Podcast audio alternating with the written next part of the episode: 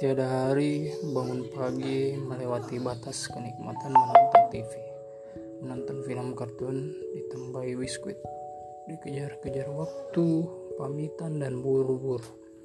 Dan ternyata kelas masih gelap gulita. Kukira sampai di sini aku selalu nomor satu, datang lebih awal, duduk paling depan. Belum lagi menjawab semua pertanyaan guru-guru. Tidak suka kami berdiam diri saja. Yang tidak suka mendengarkan cerita teman sebangku. Oh iya, mungkin waktunya tidak tepat. Teman-teman terlalu asik bermain dan menganggap semua ini kompetisi. Padahal tujuan kita sama, jadi kecerdas dan membanggakan kedua orang tua.